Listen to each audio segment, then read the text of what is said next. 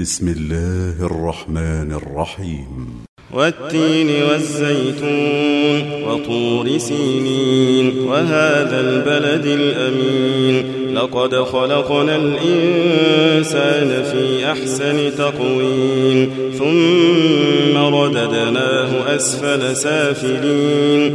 إلا الذين آمنوا الصالحات فلهم أجر غير ممنون فما يكذبك بعد بالدين أليس الله بأحكم الحاكمين